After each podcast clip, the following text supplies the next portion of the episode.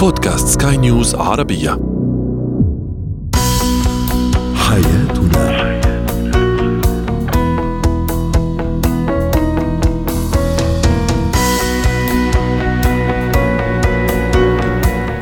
نرحب بكم مستمعينا الكرام ضمن برنامج حياتنا هذا البرنامج اليومي الذي يعنى بشؤون الأسرة وباقي الشؤون الحياتية الأخرى والذي يمكنكم طبعا متابعته عبر بودكاست سكاي نيوز عربية. معي أنا رنا خوند.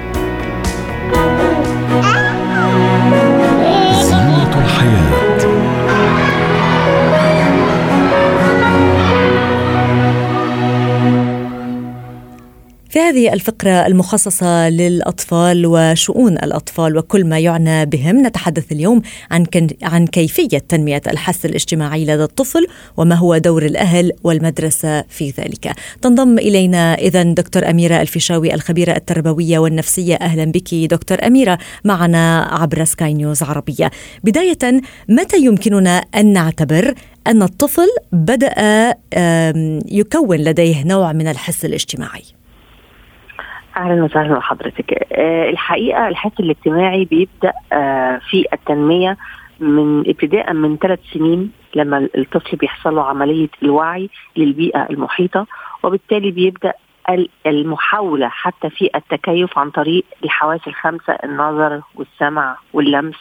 وطبعا بيبدأ في التنمية تدريجيا بقى آه لما آه في مرحلة الروضة وبيحاول الطفل بيبقى عايز يتكيف مع المجتمع اللي حواليه. الحقيقة هنا دور الأسرة والمدرسة إنهم يعملوا على تنمية الحس الاجتماعي عن طريق تنمية مهارات معينة. أول حاجة مثلا مهارات التكيف مع الأصدقاء والتفاعل الاجتماعي. لأن الحقيقة إحنا أحيانا بسبب سوء التربية الخاصة بالطفل سواء في المنزل أو في البيت يعني مثلا البيت مش بيديله اهتمام المنزل ممكن يكون بيبقى آه المدرسة ممكن يكون أحيانا مدرس عنيف. ده ممكن يخلي الطفل يلجأ إلى العزلة والوحدة والابتعاد عن التكيف الاجتماعي. آه تدريب الطفل على التعامل مع المشكلات الاجتماعية اللي ممكن تقابله في المدرسة زي مشكلة التنمر ومشكله سخرية الأطفال. نعم. احتوائه نفسيا وبعد إن إحنا أما بنحتويهم نفسيا بنعرف إيه المشاكل اللي بيبدأ يواجهها آه من أول خطوة آه لما بيحاول يتكيف مع بيئة المدرسة مثلا فبالتالي بنديله الخطوات واحد اثنين ثلاثة لتصدي هذه المشكلة والتواصل مع المدرسة وبالتالي المشكلة ما تعملوش أبعاد نفسية وبالتالي تؤدي في الآخر إلى العزله أو مم. الوحدة. آه كمان آه بيحصل عملية تكيف الحس الاجتماعي عن طريق تدريبه على العادات والتقاليد الخاصة بالمجتمع. آه أيا كان في الأسرة أو في البيت. آه بيحصل عملية التكيف الاجتماعي عن طريق آه تنمية مهارات المهارات الاجتماعية زي مثلا في الأسرة بندربه إزاي يستقبل الضيوف آه إزاي آه يقابلهم إزاي يرحب بيهم. كمان ال- ال- الانتماء لأن الحقيقة إن المجتمع هو بيشكل آه، طبعا هو الوطن. فبالتالي لازم دايما نعمل له عملية تنمية. آه، للانتماء للوطن وللمجتمع ولأسرته ولمدرسته وده بيجي طبعا دور المدرسة عن طريق ممارسة الأنشطة الحفلات آه، اكتشاف بقى المواهب اللي فيه آه، الطفل ده ممكن يبقى فيه أي موهبة في موهبة التمثيل في موهبة ال- ال- التحدث في موهبة ال ال ال ال الرقص كل الحاجات دي أو موهبة قراءة القرآن أو موهبة سرد قصة أو كتابة قصة كل المواهب اللي إحنا ممكن نكتشفها في الطفل دي ممكن تخلينا نساعده على التنمية الاجتماعية وبالتالي المساعدة على تنميه الطفل في التع... التعامل مع أسرته ومع أصدقائه مواجهه المشاكل احترام العادات والتقاليد الانتماء للوطن ومن ثم اكتشاف القدرات والمواهب الخاصة المختلفة به وتنميتها علشان بعد كده نخلق شخصي... شخصية متميزة. نعم. هناك العديد من الأمور التي يمكن أن يكو- أن يقوموا بها لتنمية هذا الحس الاجتماعي. فمثلا آه، يمكننا أن نأخذ الأطفال معنا للتطوع يمكننا أن نشركهم في تنظيف الشارع لنقل يعني أعطنا بعض الأفكار هيك العملية.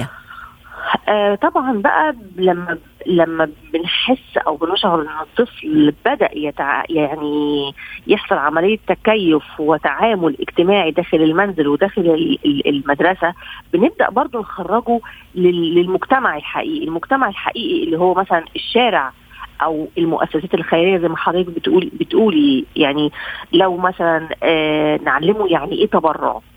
آه ويعني إيه آه إن هو ينزل وإن في في المجتمع الغني والفقير وإيه أهمية الفقير إن إحنا نعطف عليه أو نديله حقه اللي ربنا سبحانه وتعالى تعالى قال عليه وبنشجعه على كده. ده طبعا ينمي عنده عملية الانتماء للمجتمع وحب المجتمع. الشارع بقى اللي أنا أقصده اللي هو التعامل الاجتماعي مثلا داخل المحلات التجارية. إزاي هو بنبدأ مثلا سي من سن سبعة لتسعة لعشرة ندربه تعالى نروح آه يعني نقتنص أو نشتري الحاجات اللي, حط... اللي أنت عايزها بنساعده في الاختيار. سنة بسنة لما بيكبر 12 سنة نبدأ ندربه حتى على اختيار الملابس الخاصة بيه. ده برضو نوع من أنواع التكيف الاجتماعي الخاص بيه. فيبقى اذا هنا التكيف الاجتماعي أو الحس الاجتماعي هو ليه جوانب كتيرة. العادات والتقاليد. الانخراط التعامل مع الحياة الاجتماعية من خلال الأسرة واستقبال الضيوف والتعاملات والأخلاق الدينية اللي إحنا نشأنا عليها. إزاي نعامل الناس. مواجهه المشاكل. لو تعرض لمشكلة تنمر أو مشاكل خاصة مثلا بسخرية من أصدقائه إزاي يتعامل معاها؟ لو حصل خلاف بينه وبين أصدقائه إزاي يتصرف بشكل صح عن طريق اللجوء مثلا للمدرسة؟ ما يبقاش عنيف. أهم حاجة في كل النقاط دي ان الأسرة تكون مركزة معاه تركيز كبير علشان أحيانا المشكلات المجتمعية أو الاجتماعية بتؤدي لمشاكل نفسية. فإحنا المفروض بقى بنبدأ نسيطر عليها من أول نقطة. التعامل مع المؤسسات المختلفة للمجتمع ايا كان المساجد أو الكنائس بينزل وبيمارس طقوسه الدينية. التعامل مع المؤسسات الخيرية ده عشان ننمي برضو آه صفات كويسة فيه وأخلاق كويسة فيه وانتماء للوطن. إذا كان طفلي لا يبدي أي تفاعلا تجاه هذا الموضوع كيف يمكنني أن أتصرف هنا؟ الحقيقة إن في أحيانا بقى نوع من أنواع التربيه الخاطئه اللي ممكن بالفعل تؤدي إلى آه ما فيش طفل يعني ما نقدرش نقول إن في طفل مولود هو ما بيتكيفش مع الحياة مش عايز يتكيف مع الحياة الاجتماعيه بالعكس إنما التربية. الطفل بيبقى آه الطفل بيبقى أساسا عايز يثبت نفسه وعايز يثبت إن هو متميز عايز يثبت إن هو عنده قدرة على منافسة الأصدقاء ولو دخلتيه في لعبة رياضية عايز يثبت إن هو هيتفوق فيها إنما هي خلل في التربية أحيانا مثلا. ممكن يبقى في أم عنيفة على طول بتصرخ وبتضرب. ده ممكن يؤدي للأطفال إلى العزلة والخوف إلى الترعثم عدم الاهتمام. وممكن تيجي مرحلة عدم الاهتمام من الأم للطفل دي في مرحلة مثلا بناء الشخصية أو بناء القدرة على التحدث. إحنا عارفين حضرتك إن التحدث ده بيجي عن طريق الاستماع وبعدين الاستماع والتركيز وبعدين إن هو يحاول يقلد بقى. نعم. ويقلد إن هو إزاي يكلم زي والدته أو زي والده.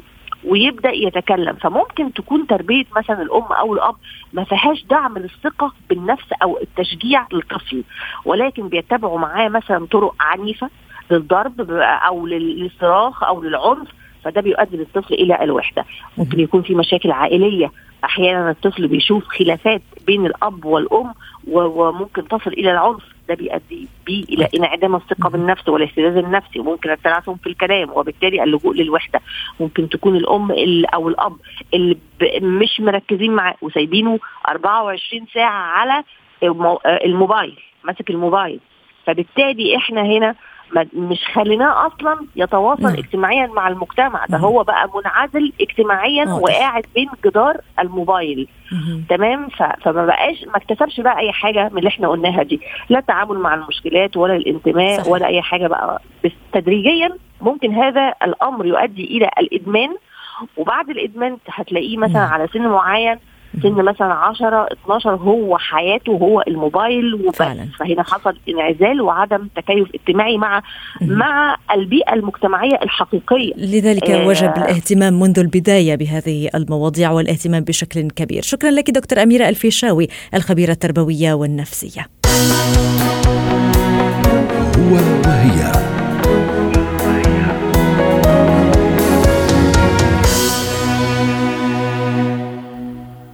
يشهد عالمنا المعاصر منافسة مستمرة بين الزوجين في مختلف مجالات الحياة وقد اتسعت اليوم هذه الدائرة الدائرة التنافسية لتشمل الجانب المهني والمادي والاجتماعي وحتى الثقافي. إذا للحديث أكثر أكثر عن المنافسة التي تولد بين الشريكين وكيف تؤثر على العلاقة ما بينهما تنضم إلينا دكتور كارين إليا المستشارة النفسية والأسرية. أهلا بك دكتور كارين. بداية هل هو صحي المنافسة بين الشريكين هل هو أمر صحي أم لا؟ نعم عم أقول المنافسة بين الشريكين باعتدال هي صحية لأنه بتساهم بالنمو الشخصي للأشخاص وبتساهم بنمو العلاقة وخلق روابط بين الثنائي نعم. عفوا ولكن عندما تتحول المنافسة إلى منافسة مرضية وهوس بين الشريكين هون تدخل الشريكين بحالات من المشاكل الزوجية والخلافات وكمان قد تؤثر على الأولاد. مثل ما كانت الدكتورة عم تشرح بعض الأمور يعني الأولاد ممكن يتأثروا من المنافسة السلبية للأهل أيضا. ما هي أشكال المنافسة بشكل عام؟ يعني ذكرت البعض منها في البداية ولكن اليوم بشكل عام على ماذا يتنافس الشريكان؟ نحن إذا بدنا نحط عنوانين عارضين للمنافسة في المنافسة على تربية وحب الأولاد وفي المنافسة بالحياة الاجتماعية والمهنية. نعم. هول العنوانين العريضين يلي ممكن نشوفهم بين شريكين متزوجين وعم بيعيشوا فعل المنافسة. والمادية أيضا دكتور كارين اليوم ال ال يعني ال نعم. الراتب وهذه الأمور أيضا دخلت مجال المنافسة. صحيح. كرمال هيك أنا قلت عنوانين كبار بداخلهم في العناوين الصغيرة. نعم. وساحكي عن المنافسة المهنية والاجتماعية هون أنا بحكي عن العنصر المادي. مين من الشريكين بيطلع مصاري أكثر مين من الشريكين آه، ناجح بعمله أكثر مين حاصل على مراكز اجتماعية أو على على رتب بشغله أو حتى حائز على شهادات وغيرها. آه، هيدي الشق منها حكما بيدخل بقلبها الشق المادي وغيرها. وهون المنافسة آه، بصيروا مثل كأنه فايتين بلعبة المقارنة غير الشريفة. وهون بصيروا إذا فاتوا بلعبة الهوس للمقارنة غير الشريفة بهذا المطرح وبس أقول غير شريفة يعني مرضية بين الثنائي. بصير كل شخص عم بيشد بطرف آه، باتجاهه لإله وعم يسعى بشكل أناني للنمو أكثر وليرفع حاله أكثر فهون نوصل بمرحلة متقدمة من العلاقة بنلاقي إنه فقدوا الروابط وفقدوا نقطة الاتصال وفقدوا صحيح. اللقاء يلي على أساسه بديت العلاقة فيه. لأنه بس ينمى الإنسان وخصوص الشريكين كثير مهم يكونوا عم ينموا بالعلاقة مع بعض. لأنه إذا شخص بيسبق الثاني بالنمو أو بيروح نموه باتجاه مختلف عن نمو الشريك بيوصلوا لمرحلة بيفقدوا الاتصال بيناتهم نعم. وبيصير في مشكلة خلافية كبيرة دكتور كريم سوف نتحدث بعد قليل نعم سوف نعم. نتحدث بعد قليل عن على مستوى التربية ولكن أود أن أبلور الموضوع هنا بشكل أكبر، يعني عندما نتحدث عن المنافسة الاجتماعية والمهنية والثقافية آه، بشكل مرضي، هل يمكننا اعتبار أننا وصلنا إلى مرحلة لم يعد فيه الحب موجود لأننا آه، لأن هذان الشخصان قبل الزواج كانا يعلمان آه، ما هي المكانة الاجتماعية والثقافية والمادية وغيرها من الأمور، فماذا حصل؟ آه، لتصل الأمور إلى هنا نعم. خلينا نقول شغلة هون اللعبة والحبكة بالعلاقة بتبقى مختلفة لأنه القراءة دائما آه، عند الأشخاص تختلف مع نموهم الفكري والعقلي ومع النضج والخبرة الاجتماعية، لهالسبب اليوم أنا قراءتي بعمر معين آه، وخبرة معينة بتكون من زاوية معينة، وكل ما خبرتي بالحياة بتزيد، كل ما اختباراتي بتزيد، كل ما بتوسع الحلقة يلي بيصير عندي فيها إدراك وقراءة. لها سبب بصير شوف من زاوية مختلفة. وهون الفرق بين الشريكين يلي بيكون عندهم رؤية مشتركة ببداية العلاقة وبس يتقدموا بمراحل وبيكونوا بهيدي المراحل اللي عم يتقدموا فيها هنا عم يفقدوا الحوار بالثنائي. لأنه كل شخص بلغة أنانية عم ببدي الإيجو تبعه على العقل فهون حكما بده يغلب الخلاف على الحوار. بيصيروا بفعل المنافسة وبيصيروا الكل شخص عم يشتغل ليطور نفسه باتجاهه لإله لوحده.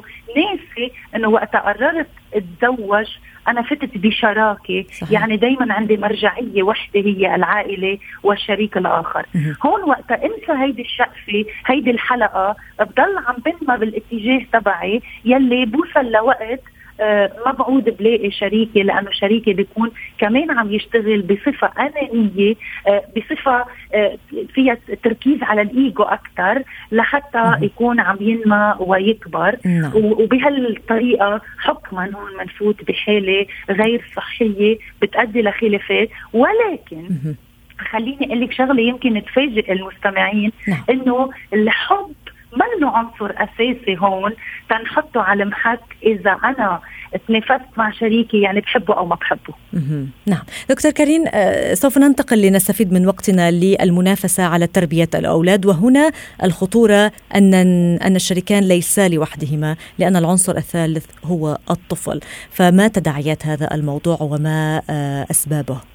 نعم. هون كمان في نقطة كثير مهمة نذكرها إنه الأشخاص يلي بفوتوا بلعبة المنافسة هن المنافسة بتكون جزء من من شخصيتهم من طباعهم. أنا بكون بطبعي بحب المنافسة بحب المقارنة بالآخر ودائما بسعى لقارن حالي بغيري لبين أفضل و على هالمستوى. أما على مستوى التربية هون بينزاد عنصر هي محبة الأولاد بصيروا الأهل عم يتنافسوا. مين بده يحصل على محبة الأولاد أكثر فبفوتوا بلعبة المقارنة مع بعضهم واحيانا الأهل بيعتمدوا طرق غير صحية. هون بقدر أعتبرها طرق مرضية واحيانا غير مدركة ليحببوا الاولاد الأولاد فيهم بكرهوهم بالأهل الثانيين يعني إذا بدي أعطي مثل الوالد تيحبب اولاده فيه ويكرههم بالأم آه، بيجرب يقول لهم أمكن ما خلتني اعطيكم هيدي الشغلة؟ كنت بدي اخذكم على هيدا المطرح بس أمكن منعتنا. أو العكس صحيح الأم بتقول لو ما بيكم كنت أنا سمحت لنفسي أو كنت بدي أعمل. هيدا النوع من المنافسة اولا بيربي الأولاد على مبادئ كتير غلط لأنه الولد ما بيقعد يفهم مين الصح ومين الغلط. بيعلموا الولد على التحيز لأنه الولد بصير حسب مصلحته. أنا مين مين عم يخدمني أكثر أمي بصير حبها ومتطرف لها أكثر أو بيي وبتطرف له أكثر نعم. وكل ما الأهل عم بيراقبوا من بعيد إنه الولد عم بيتميز أو عم بي عم بيتحيز لأحد الطرفين كل ما بيزيد عنصر المنافسة تيوصل لمطرح أحيانا يستعملوا أساليب الأهل غير صحية ابدا نعم. وغير مقبولة بالتربية. نعم واضح. شكرا لك دكتور كارين إليا المستشاره النفسية والأسرية على كل هذه النصائح. جمالك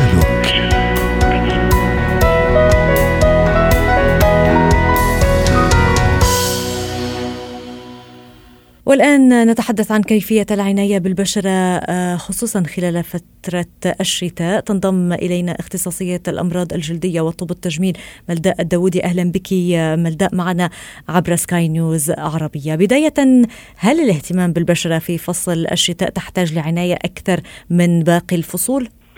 آه، أهلا وسهلا فيك رنا وشكرا كثير على الاستضافة. أهلا. بالنسبة للعناية بالبشرة بفصل الشتاء طبعا هي كثير مهمة وهي أساسا ما بتختلف كثير عن العناية العامة يلي بنمارسها خلال كل فصول السنة وكل أيامها ولكن في نقاط معينة بنحب نركز عليها أكثر من غيرها. مثلا أول شيء آه، كثير أشخاص بيعتقدوا إنه خلال فصل الشتاء ما في داعي لاستخدام واقي الشمس نعم. طبعا هيدا الشيء نقطة غير صحيحة أبدا خاصة بمنطقتنا الجغرافية لأنه الشمس حتى خلال فصل الشتاء بتكون قوية. آه دائما لازم نستخدم واقي الشمس المناسب لبشرتنا سواء كانت البشرة دهنية أو جافة.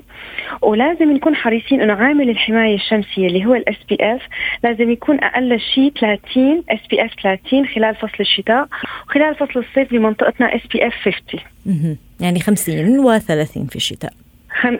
تماما. فهي النقطة الأولى هي المتعلقة بالحماية من الشمس. إذا لازم دائما نستخدم مواقي الشمس خلال فصل الشتاء حتى إذا الشمس ما حاسين فيها أولية لأنه بيكون آه بسبب وجود الغيوم أو شيء بيكون دائما في عنا الطفل يكون أشعة الشمس الضارة اللي ممكن تسبب لنا تصبغات وشيخوخة البشرة رغم أنه الحرارة ما كتير عالية ولكن هذا التأثير الضار موجود. هلأ النقطة الثانية اللي هي كتير مهمة الترطيب. نعم. بسبب عوامل الجو خلال فصل الشتاء وبسبب آه، البرودة نسبيا آه، فبصير في عنا بيتأذى عامل آه، حماية البشرة يعني عامل الحماية اللي بتعطيه البشرة اللي هي بصير بده ترطيب دائما مستمر وعميق. كتير مهم نعمل ترطيب بشكل خاص خلال فصل الشتاء للبشرة صباحا بشكل أساسي للبشرات اللي عندها جفاف شديد مرتين أو ثلاث مرات خلال النهار. نعم. يلي بحب أكد عليه رنا هون إنه أنواع مرطبات البشرة بتختلف حسب نوع البشرة. الشيء اللي أغلب الناس ما بتعرفه أو بتستغربه إنه حتى البشرة الدهنيه لازمها ترطيب. يعني إذا البشرة دهنيه مو يعني إنه ما لازم نرطبها ولكن لازم نختار نوع مرطب البشرة المناسب للبشرة الدهنيه فدائما نحن طبعا الأفضل دائما نستشير طبيب لنوع المرطب ولكن إذا نحن رحنا نشتري over the counter بالصيدليات لوحدنا المرطبات لازم دائما نتأكد إنه اللي مكتوب على علبة الكريم إنه هذا الكريم مناسب للبشرة الدهنيه أو للبشرة الجافة. نعم. آه ملداء هناك العديد من الأشخاص الذين يعانون من بعض المشاكل الجلدية. فمثلا آه نعلم جميعا أن الأكزيما تتفاعل بشكل كبير أيضا خلال فصل الشتاء. كيف يجب على هؤلاء الأشخاص أن يهتموا ببشرتهم؟ آه، السبب الأساسي إنه الإكزيما أو عدة أمراض ثانية مثل ال dermatitis وامراض الحاجز البشرة بشكل عام تتفاقم. هو هو الجفاف اللي حكينا عنه من شوي. فمشان هيك الاهتمام هو الترطيب ثم الترطيب ثم الترطيب. دائما لازم نهتم بترطيب البشرة بشكل كتير كبير. هلأ في أنواع إكزيما معينة مثلا مثل إكزيما اليدين عند سيدات البيوت بشكل أساسي. نعم. هاي في لها عوامل وقاية ثانية مثلا دائما لازم كل ما يجوا الإيدين بالمي آه، لسبب الوضوء أو لسبب التنظيف أو أي شيء لازم دائما ننشف إيدينا كتير منيح من بعدهم ونحط مرطبات. إذا طلعنا بعدين نحط واقي شمس حتى على اليدين. نعم. وطبعا لما بتتفاقم نوبات الإكزيما بيكون بقى في علاج عن طريق كريمات الكورتيزونات الموضعية بس طبعا هذا الشيء ما لازم الشخص يعمله لحاله لازم دائما يرجع للطبيب. آه، هل هناك بعض الفيتامين ال vitamins آه، التي يمكن أن نأخذها آه، أيضا تساعد على نضارة البشرة خاصة في فصل الشتاء؟ هلا ال vitamins بشكل عام آه، في ال vitamins ضرورية لعمل البشرة وكعمل ال antioxidant أو المضادات الأكسدة تعطينا رونق ولنحارب تأثير الملوثات والشمس وتأثير الملوثات البيئية على البشرة. طبعا من أهم هال vitamins اللي كلنا بنعرفها اللي بتعمل كمضاد oxidant هو الفيتامين C دائما آه، بيؤدي لنضاره البشرة وبيساعدنا لنحصل على التألق. الفيتامين C طبعا الفيتامين E إن كان على شكل كريمات بشكل أساسي وكل أنواع مضادات الأكسدة ممكن تساعدنا لتعطينا نضاره وتألق للبشرة. نعم. لماذا يقال إن غسل الوجه بالماء الباردة أمر جيد وخاصة في فصل الشتاء لو كان الجو بارد؟ هلأ هو المي البارده بشكل أساسي إنه مشان يقبض الكولاجين آه حتى ما أو هيك بيعتقد الناس يعني. هي المعلومة ما أنا مستندة 100% على آه مبدأ علمي ولكن إنه من نظريا الناس بتتداول إنه ممكن يؤدي لتقبيض الكولاجين وبالتالي بيساعد على التقبيض واسترخاء وبيعطي نضارة للبشرة. برجع بأكد هون إنه لما بنغسل الوجه لازم دائما ننشف من بعده ونرطب ونحط واقي شمس ممكن كمان استخدام كريمات مضادات الأكسدة الموضعية مثل الفيتامين فيتامين سي مثلا أو الفيتامين إي ليعطينا نضارة واشراقه أكثر ويحمي البشرة من الجفاف والمؤثرات. الخارجية. هل شرب المياه أمر أيضا مرتبط؟ ولا ولا هو أمر يعني داخلي أكثر ما هو ينعكس على البشره؟ مكون آه، محتوى الخلايا الجلدية وخلايا البشرة من الماء كتير ضروري ليكافح الشيخوخة ليعطينا منظر نظر. فهو كتير مهم الترطيب يكون من الداخل والخارج. شرب كمية كافية من المياه اللي هي 8 كاسات مي خلال النهار. كتير مهم ليعطينا نضارة وليحافظ على محتوى خلايا البشرة بالماء. طبعا لازم دائما آه، الترطيب يكون مثل ما قلنا من الخارج ومن الداخل. طيب، ماذا عن النوم؟ يقال أن النوم لساعات آه، يعني يعني جيدة أيضا يساعد بإنتاج الكولاجين. كتير حلو هالحكي. تجديد خلايا الجلد وخلايا الجسم كلها بشكل عام. دورة الخلايا مثل ما بنعرف جسمنا دائما بحالة تجدد مستمر. فالتجديد بشكل دائم بيتم خلال النوم. فمشان هيك لازم نحصل على عدد ساعات كافي من النوم. أغلب الأشخاص هالعدد الساعات هو 8 ساعات ويتم خلالها تجديد خلايا البشرة وهذا الشيء بنلاقي الشخص اللي نايم منيح بفيق ثاني نهار عنده نضارة ووجهه مشرق من الراحة. طبعا كمان هو له علاقة بوقت التوقيت. هلأ عم الدراسات الجديدة عم تقول إنه ما بيكفي بس إنه الواحد ينام 8 ساعات كمان الأفضل إنه يكون نايم قبل الساعة 11 بالليل. يعني بشكل إنه قبل الساعة 11 بالليل ولمدة 8 ساعات. نعم. بيساعد إنه يعطينا أشراقه وبخفف الهالات السوداء وبيحسن تجدد وشباب البشرة. شكرا لك ملداء الداودي اختصاصية الأمراض الجلدية وطب التجميل.